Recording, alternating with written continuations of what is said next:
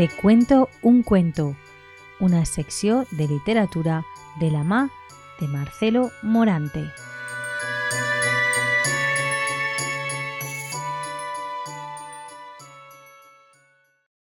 Bienvenidos una semana más a la sección de la Tegua Radio Te cuento un cuento, con un servidor, Marcelo Morante.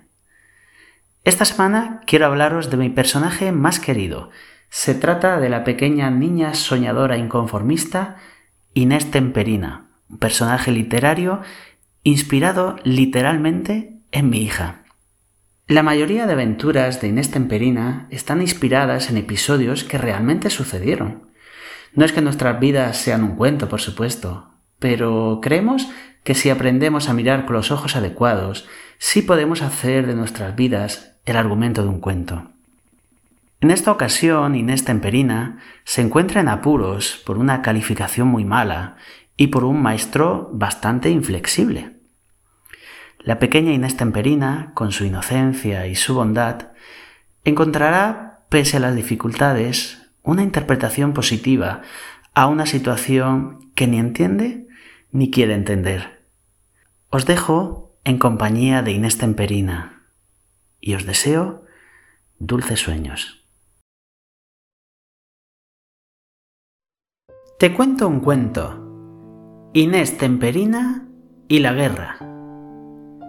Una vez, en un dictado, Inés Temperina cambió la palabra soldado por la palabra soleado, y en vez de escribir guerra, escribió borra.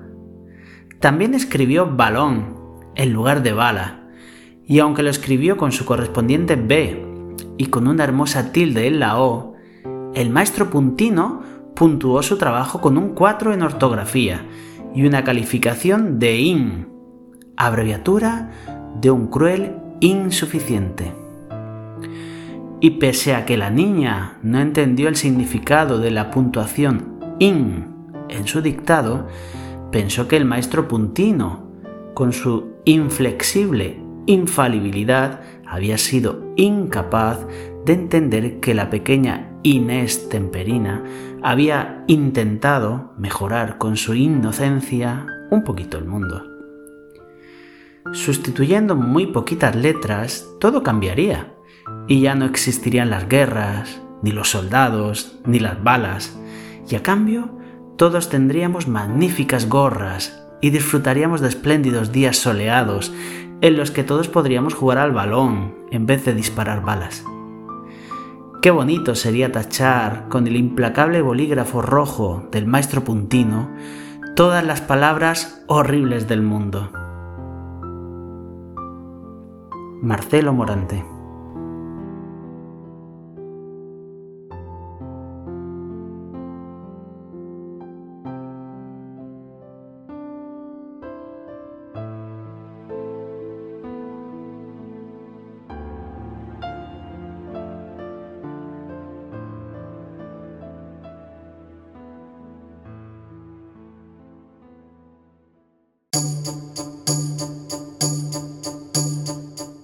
Te cuento un cuento, una sección de literatura de la MA de Marcelo Morante.